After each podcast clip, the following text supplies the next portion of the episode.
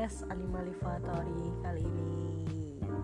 Dalam kesempatan kali ini, saya Pipit Septiani pengen membahas tentang profesi seorang konselor. Pernah dengar gak sih kalian profesi konselor itu? Jangan-jangan gak pernah dengar lagi. Nah itu yang sering keluar masuk ruangan BP, ayo ayo ngaku-ngaku. Biasanya disebut apa? Guru BP di sekolahan kalian? Ya guru BP lah ya. Gak pernah ya disebut konselor ya. Padahal keren loh kalau misal guru BP guru BP atau BK itu disebutnya konselor sekolah. Ya gak keren ya ya keren lah pasti. Itu adalah istilah yang sedang diperjuangkan oleh anak-anak BK supaya ramah di telinga masyarakat. Sebenarnya profesi konselor itu apa? Dan bedanya dengan psikiater atau dan psikolog itu apa? Simpelnya gini kalau konselor itu kan sebenarnya sama-sama ya bantuan psikologis untuk membantu individu mengatasi atau e, menghadapi permasalahan hidup. Individu yang seperti apa? Nah ini yang membedakan profesi konselor psikolog dengan psikiater. Kalau konselor konselor itu ranahnya bidang layanannya itu kan ada empat bidang. Bidang pribadi bidang sosial bidang akademik dan bidang karir jadi nih untuk kalian yang punya masalah di empat bidang itu kesulitan menghadapi masalah di empat bidang itu datanglah ke konselor misalnya nih ada yang putus pacar ditinggal selingkuh ADR terus uh, ya pokoknya masalah-masalah pribadi atau masalah pergaulan. Saya antisosial terus apa lagi ya? Susah bicara di depan umum kurang pede gitu-gitu. Itu kan permasalahan sosial permasalahan belajar. Kayak misalnya susah konsentrasi nervous ketika menghadapi UN atau ujian nasional ya UN ya sorry. UN atau hmm, susah menyesuaikan diri di lingkungan akademik salah jurusan dan sebagainya. Itu ranah belajar atau akademik. Ya ada satu lagi yaitu karir. Ini buat kalian yang bingung kayak misalnya udah umur 24 tahunan tapi juga punya cita-cita eh, kebingungan karir atau salah jurusan tadi juga bisa masuk ke karir sih. Apalagi ya hmm, perencanaan karir terus masalah di kantor misalnya itu kan nanti masuknya ke konseling karir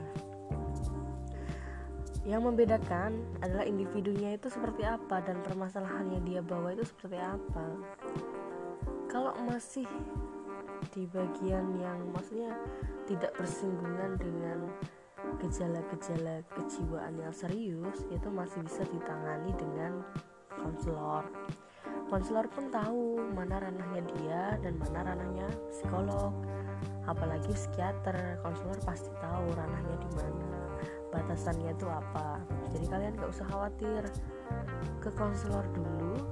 Nanti kalau misalnya si konselor ini nggak bisa nanganin akan direferalkan ke psikolog atau langsung ke psikiater. Intinya tahap-tahapannya gitu. Konselor psikolog baru psikiater. Berarti kan kalau psikolog itu kan ranahnya adalah individu yang udah mulai punya gejala-gejala gangguan kejiwaan. Kayak misalnya apa kalau yang klinis nih bipolar terus apalagi ya hmm, kecemasan yang udah kecemasan neurotis tuh psikolog masuknya apalagi ya hmm, banyak sih yang klinis-klinis tuh biasanya yang kita nggak bisa tanganin dan bisa ditangani oleh seorang psikolog.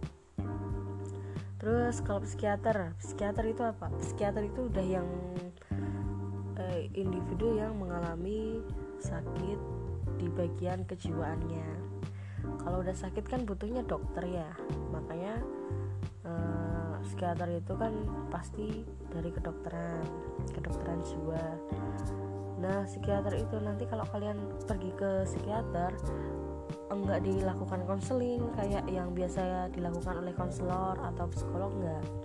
Jadi langsung dikasih obat. Misalnya kalian susah tidur.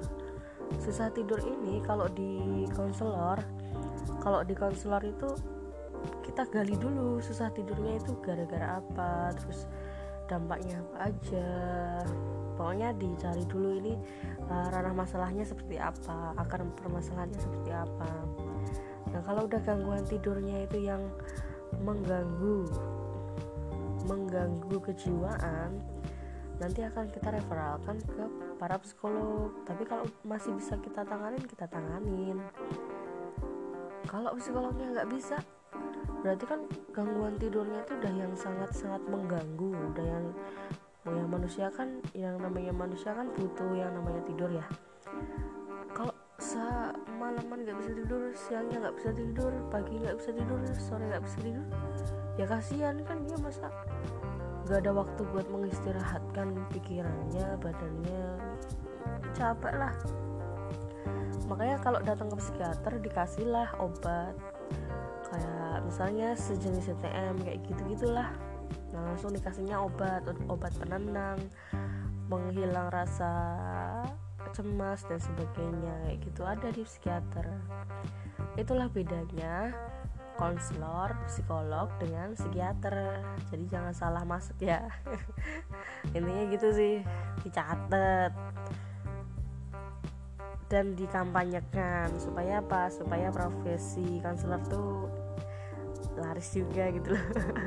Maksudnya ada yang melirik unjuk giginya mulai berasa. Selanjutnya apa ya? Hmm, Oke, okay, gimana ini profesi konselor ini? Biasanya kan orang datang ke kalau tahu nih ya kita dari misalnya jurusan jurusan saya kan psikologi pendidikan dan bimbingan. Ya, terus kalau udah disebut psikologi itu pasti ada orang yang kayak gini. Weh, berarti kamu bisa dong baca pikiran orang, baca orang, baca foto orang, baca ini orang apa itu ya kita bukan dukun gitu loh. Kita itu konselor. Gimana caranya kita bisa tahu pikiran orang? Ya bisa sih. Cuman ada pelatihannya namanya body language dan micro expression. Jadi kita nggak baca pikiran juga. Kita bacanya bahasa tubuh dan micro expression ekspresi mikro yang dikeluarkan oleh seseorang ekspresi mikro itu kan biasanya nggak nggak disadari sama orang yang bersangkutan. Makanya kita ambil celah untuk dibaca karakter orang ini seperti apa dia pengennya apa. Bahasa tubuh itu bicara lebih keras daripada kata-kata. Itu menurut seorang konselor Pipit Septiani. Lanjut lagi di selain apa konselor bukan dukun. Konselor juga bukan ahli spiritual atau dewa. Maksudnya gimana tuh? Maksudnya gini. Konselor itu bukan kalau bukan ahli penceramah pembersih jiwa yang kotor. Dewa yang maha pemaaf dan maha memberikan solusi. Bukan kayak gitu. Jadi jadi gini teman-teman ya. Ini untuk sekedar menambah atau meluruskan kesalahpahaman. Ci gede salah paham. Kayak hubungan percintaan aja. Gini gini gini. Kalau misalnya nih kalian datang ke ustadz kalian punya masalah Ustadz hidup saya hancur saya dicampakkan istri saya suami saya selingkuh dan sebagainya bla bla bla. Jawabannya apa kalau ke Ustadz itu tandanya Allah tuh masih sayang sama kamu kamu harus memperbaiki diri. Ayo perbaiki sholatnya perbaiki zikirnya mendekatkan diri kepada Allah subhanahu wa ta'ala. Ya memang kalau jawaban seperti itu diungkapkan oleh seorang ustadz itu benar tepat sekali. Tapi kalau itu diucapkan oleh seorang konselor tidak tepat kurang tepat sih lebih tepatnya kenapa? Karena seorang konselor itu bukan ahli solusi bukan ahlinya solusi. Seorang konselor itu membantu individu untuk menyelesaikan permasalahannya sendiri. Istilahnya begini teman-teman kalau kalian minta solusi yang cepat kayak gitu ya datang aja ke dukun atau ke pak ustadz ya kan ya kalau ke pak ustadz mending ya ada adem-ademnya dikit. Maksudnya kan uh, istilahnya kita disuruh mendekatkan sama Tuhan itu kan sesuatu yang nggak buruk juga bagus. Tapi jangan ke dukun kalau ke dukun kan nanti kamu siapin uh, apa susu siap mandi tujuh rupa dan sebagainya. Kan konyol masih lebih waras ke Pak Ustadz ya tapi kalau datang ke konselor kalian tidak akan mendapatkan siraman-siraman rohani atau nasihat-nasihat spiritual dan sebagainya. Karena konselor itu dilarang keras menggunakan saran kepada kliennya. Kenapa? Karena begini sederhananya nah, coba teman-teman buka tangan kalian buka tangan kiri kalian nah seolah-olah masalah itu ada di tangan kalian. Beban masalah itu sedang teman-teman pegang. Oke. Okay. yang kalian pegang itu masalahnya siapa? Masalah kalian kan? Bukan masalah si konselornya kan? Nah, si konselor itu hanya mem sebatas membantu pertama melihat kalian punya masalah ini membantu melihat pertama kalian punya uh, apa kedua kalian punya potensi seperti ini. Ya, kemudian alternatifnya apa? Solusi-solusi yang bisa kalian tempuh apa? Tentu aja solusi yang ditawarkan juga hasil diskusi dari dengan si klien atau individu itu sendiri. Jadi bukan murni ide si konselornya. Konselor cuma mengarahkan kemudian membimbing dan sebagainya. Tapi masalahnya kan masih tetap ada di tangan kalian.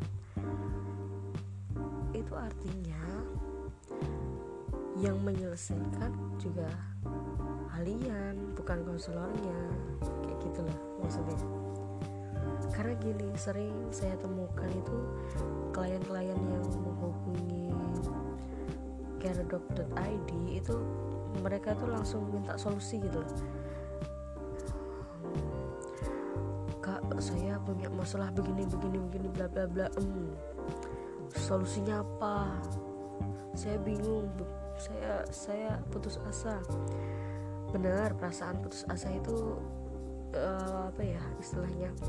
Perasaan putus asa itu memang bikin orang susah untuk berpikir rasional. Makanya butuh seorang konselor untuk uh, menyadarkan itu gitu.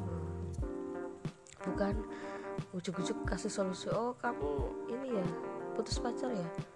Wah coba lihat uh, gara-gara apa sih kalian putus? Nah itu salahmu itu. Harusnya kayak gini gini gini gini. Nah itu kan udah mulai saran. Itu dilarang keras sama yang namanya hmm, kode etik konselor.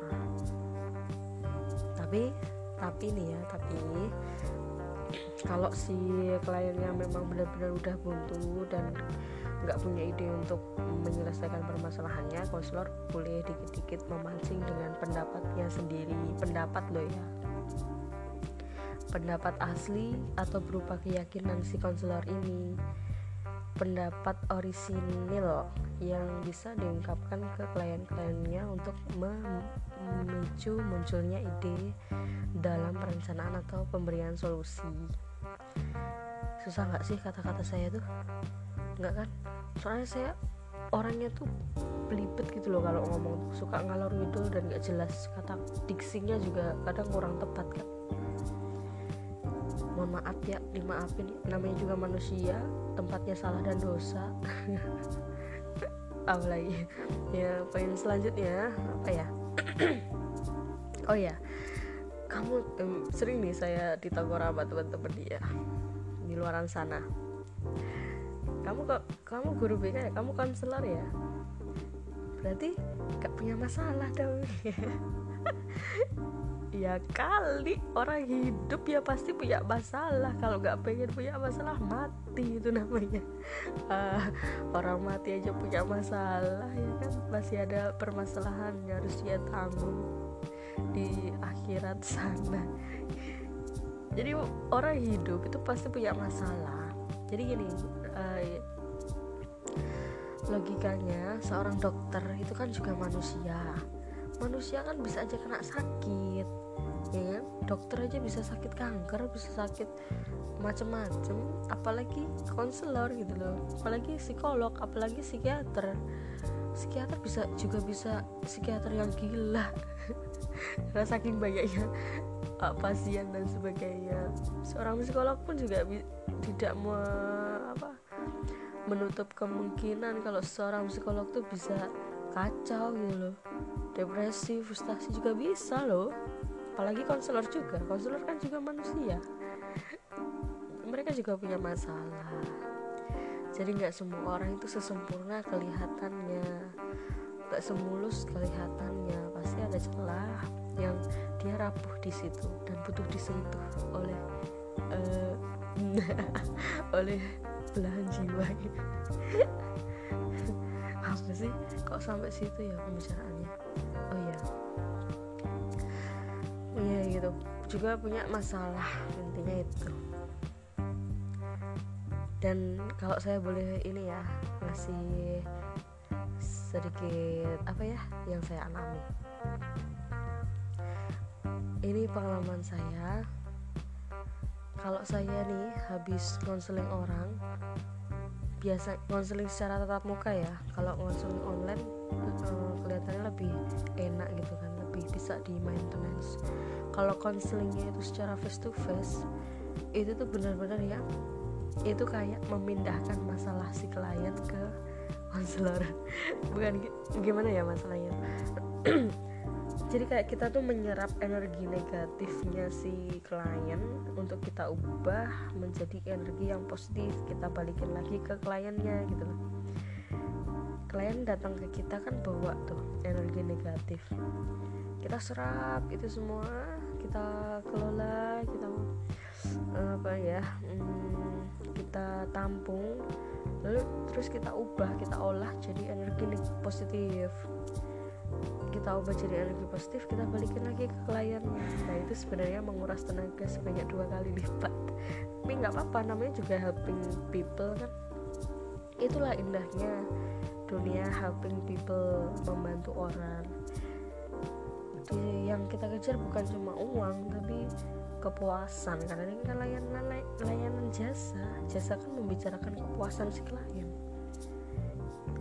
Dan satu lagi ini kemanusiaannya juga jalan gitu makanya seorang konselor nggak cuman ya dipikirin nggak cuma rupiah aja ya. Bisa makan aja nggak cuman itu. Bahkan ya kalau si dokter habis ngobatin pasien ternyata gagal si konselor juga bisa loh kayak gitu. Kepikiran gitu eh klienku udah makan belum ya? Eh klienku tadi jadi ini gak ya? Jadi apa? Jadi bunuh diri nggak? Ya ya sempat saya mengalami fase-fase itu.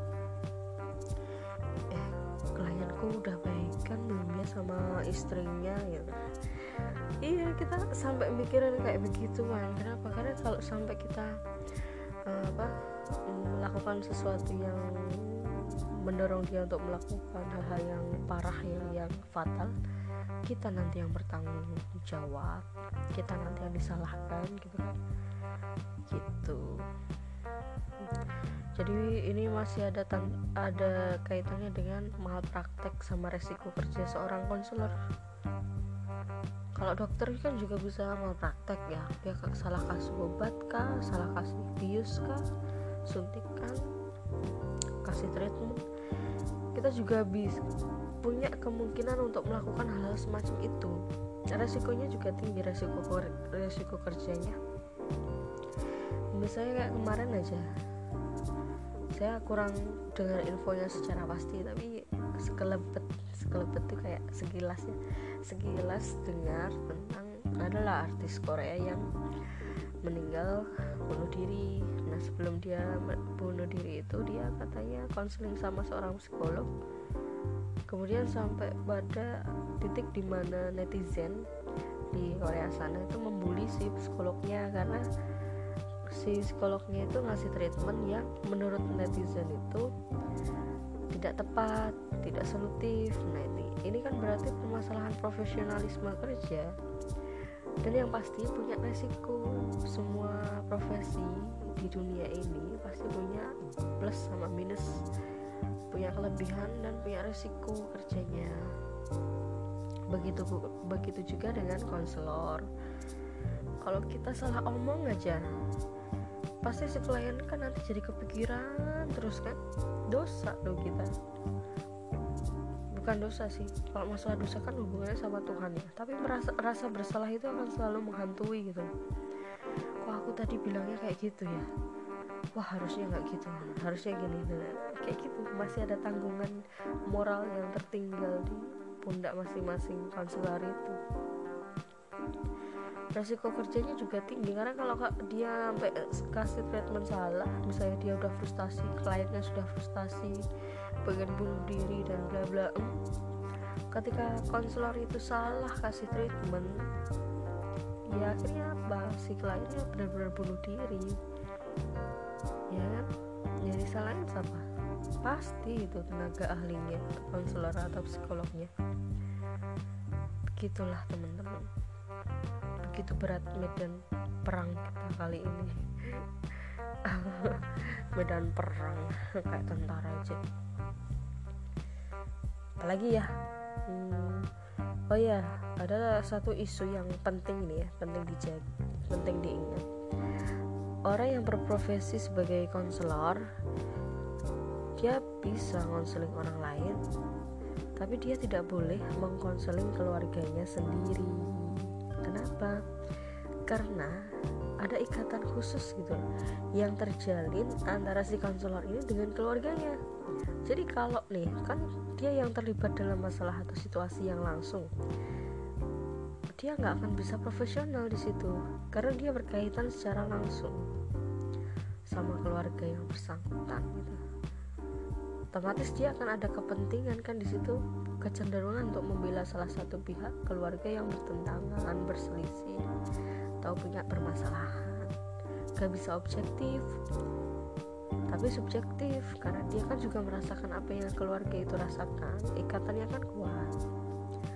Maka it means artinya adalah kita seorang konselor kalau misalnya punya permasalahan keluarga datanglah jangan sungkan ke konselor lain gitu. Karena kalau kita apa namanya mengkonseling keluarga sendiri itu menyalahi kode etik sih sebenarnya. Dan jangan jangan malu untuk cerita ke konselor lain juga sesama konselor. Ya namanya juga manusia kan punya masalah.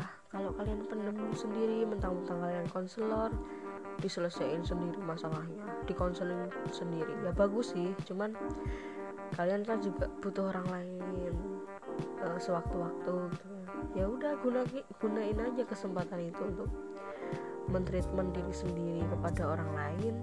Kenapa enggak gitu kan? Ngomong apa ya? Ngomong apa lagi nih? Oke itu dulu. Eh ada lagi deh ada lagi nih nih, nih. saya bikin poin-poinnya soalnya. Nanti kalau enggak lari ke sana ke sini. Pengalaman jadi konselor woi ini lucu nih ya nggak lucu juga sih maksudnya uh, yang apa ya menggelitik. Ini pernah saya alami dulu ketika lah sedang dekat sama sahabat saya sendiri. TTM ya bukan TTM sih. Ya ya TTM sih. Sebutlah begitulah ya biar gampang. Um, jadi waktu saya mau singkatnya nih ya singkat ini jadi bagian kecil dari cerita perjalanan cinta saya dengan dia. Hmm, singkatnya itu di bandara ya. Di bandara Adi Sucipto pagi-pagi lari-lari sama dia. Waktu itu saya sudah mau mengatakan perasaan di saya sama dia kayak mana? Jadi udah mau menyatakan cinta gitu kan, sama dia. Ada satu momen yang uh, saya udah pamitan udah pamit sama dia. Eh aku mau pulang ya. Ah itu kan berarti saya nggak jadi mau ngomongin perasaan kan? Ya udah mau pulang. Tahu-tahu dia manggil saya pas saya udah mau jalan pulang. Eh Pit cerita. Saya langsung waduh cerita apa nih? Jangan-jangan nih dia mau mengungkapkan perasaannya duluan ke aku. GR amat ya iya salah satu kelemahan saya. Saya itu orangnya GRan gampang. Gampang kayak gitulah. Udah kan saya berhenti. Balik lagi duduk di samping dia. Mau cerita apa gitu menurut kamu kalau aku menerima perasaannya si A gimana? Si A itu teman saya juga. Jadi kita bertiga temenan. Terus uh, si A ini suka duluan sama sahabat saya. Saya awalnya nggak nyadar kalau saya juga suka sama sahabat saya makanya keduluan sama si A saya. Nah waktu si A menyatakan perasaannya sama bukan menyatakan sih tapi menunjukkan perasaannya ke sahabat saya. Sahabat saya tuh ceritanya curhatnya tuh ke saya. Padahal saya kan juga punya perasaan sama dia. Punya perasaan sama dia itu menyakitkan. Itu intinya saya jadi konselornya dia tempatnya saya harus profesional dong. Di, sa di saat saya menahan rasa sakit gara-gara dia lebih memilih si A daripada saya saya masih harus mengkonseling dia menyemangati dia dan memotivasi dia agar menerima perasaannya si A. Astaga kalian bayangkan perasaan saya waktu itu. Sangat-sangat menyakitkan kalau diingat nggak usah lah nggak usah dibahas lagi. Kita beralih ke isu selanjutnya. Isu selanjutnya ya. Apalagi ya? Tantangan. Tantangan yang pernah dihadapi ketika menjadi konselor. Pernah gak sih ngalamin klien yang susah untuk ditangani? Ya bagi saya ya bagi saya semua permasalahan klien itu sama. Semua ya namanya masalah selagi itu mengganggu klien nggak bisa didefinisikan itu masalahnya besar atau kecil. Kan sama aja semua masalah itu butuh untuk diselesaikan. Cuman ada saat beberapa titik di mana saya itu buntu. Buntu dalam artian aduh nggak tahu nih harus kayak gimana lagi gitu kan. Itu biasanya ketika saya lakukan konseling secara langsung atau tatap muka karena berhadapan langsung dengan orangnya jadi ada momen tuh di mana saya speechless. Nggak tahu harus ngomong apa nggak tahu harus kayak gimana lagi. Hmm, itu beberapa kali pernah mengalami. Dan ketika mengalami hal, hal semacam itu biasanya saya mengambil obrolan ringan habis itu meringkas sesi konseling dan melanjutkannya di sesi selanjutnya. Supaya nggak kelihatan banget gitu loh kalau saya stuck. Kalau saya itu hmm, ngezong gitu. Dan saya luar biasa ya. Menjadi seorang konselor tuh jadi tahu kalau dunia itu luas dengan segala tetek bengek permasalahannya. Jadi masing-masing orang tuh punya permasalahan yang unik khas dan tidak bisa dipukul rata satu sama lain. Si A pasti masalahnya beda sama si B walaupun sama-sama putus putus cinta tapi beda loh permasalahannya tuh. Si C sama si D misalnya gara-gara apa hubungan rumah tangga KDRT dan sebagainya sama kan jenis masalahnya. Tapi tetap yang dihadapi itu berbeda.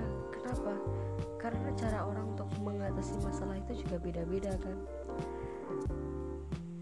itu yang bikin masalah itu bervariasi unik dan sangat-sangat menantang untuk saya sendiri. Dan dari segala permasalahan yang pernah dihadapi permasalahan yang paling menantang adalah permasalahan seputar perkawinan. Kenapa? Ya karena saya belum menikah saya belum kawin gimana bisa tahu gitu? Kebanyakan orang yang mengkon apa yang apa punya masalah perkawinan itu kan ya mohon maaf ya ini agak agak mendalam pembicaraannya. Membicarakan tentang hubungan intim suami istri. Sedangkan saya yang belum menikah ini bisa apa gitu bisa tahu apa gitu. nggak tahu apa-apa. Ada kejadian mesum di kos saja kaget apalagi uh, dengar curhatan-curhatan yang ya sangat bervariasi lah intinya. Dan itu membuat saya terus terang jadi agak ragu untuk melangkah ke hubungan pernikahan. Aduh ya jangan ya. Jangan kayak gitu jangan kayak saya. Jadi gini teman-teman. Kenapa sih kalau ini ya kalian berpikiran kayak gini? Kok akhir-akhir ini banyak orang putus cinta banyak orang cerai udah nikah tapi punya permasalahan kayak gini gitu gitu gitu gitu bla bla bla bla Kayaknya nikah itu ngeri. Kayaknya permasalahan rumah tangga tuh rumit.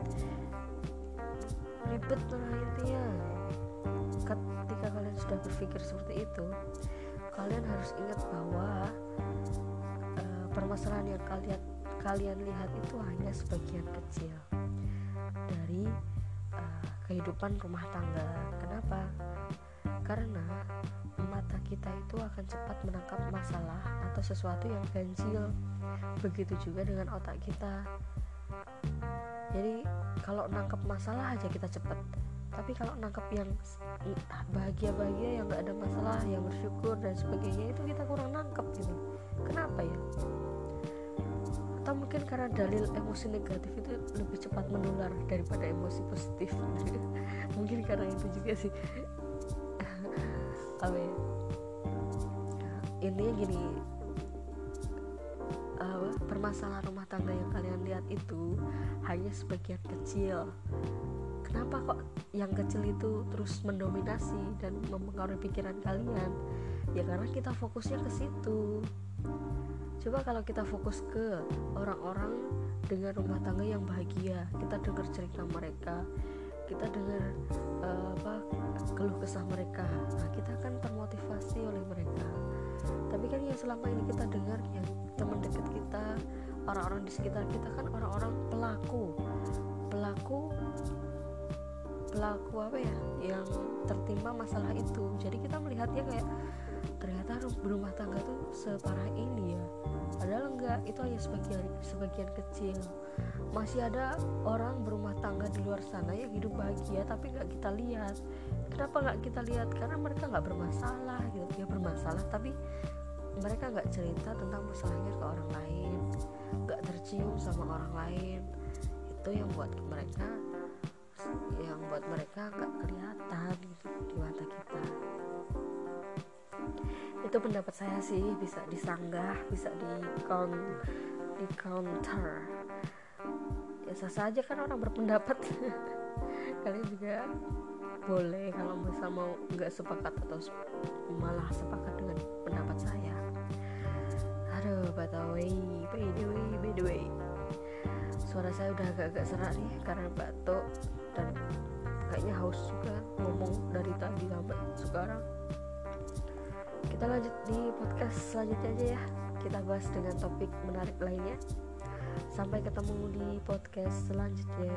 Salam alim alifatori. Semoga kalian mendapatkan sesuatu yang bermakna di podcast kali ini. Sampai jumpa. thank you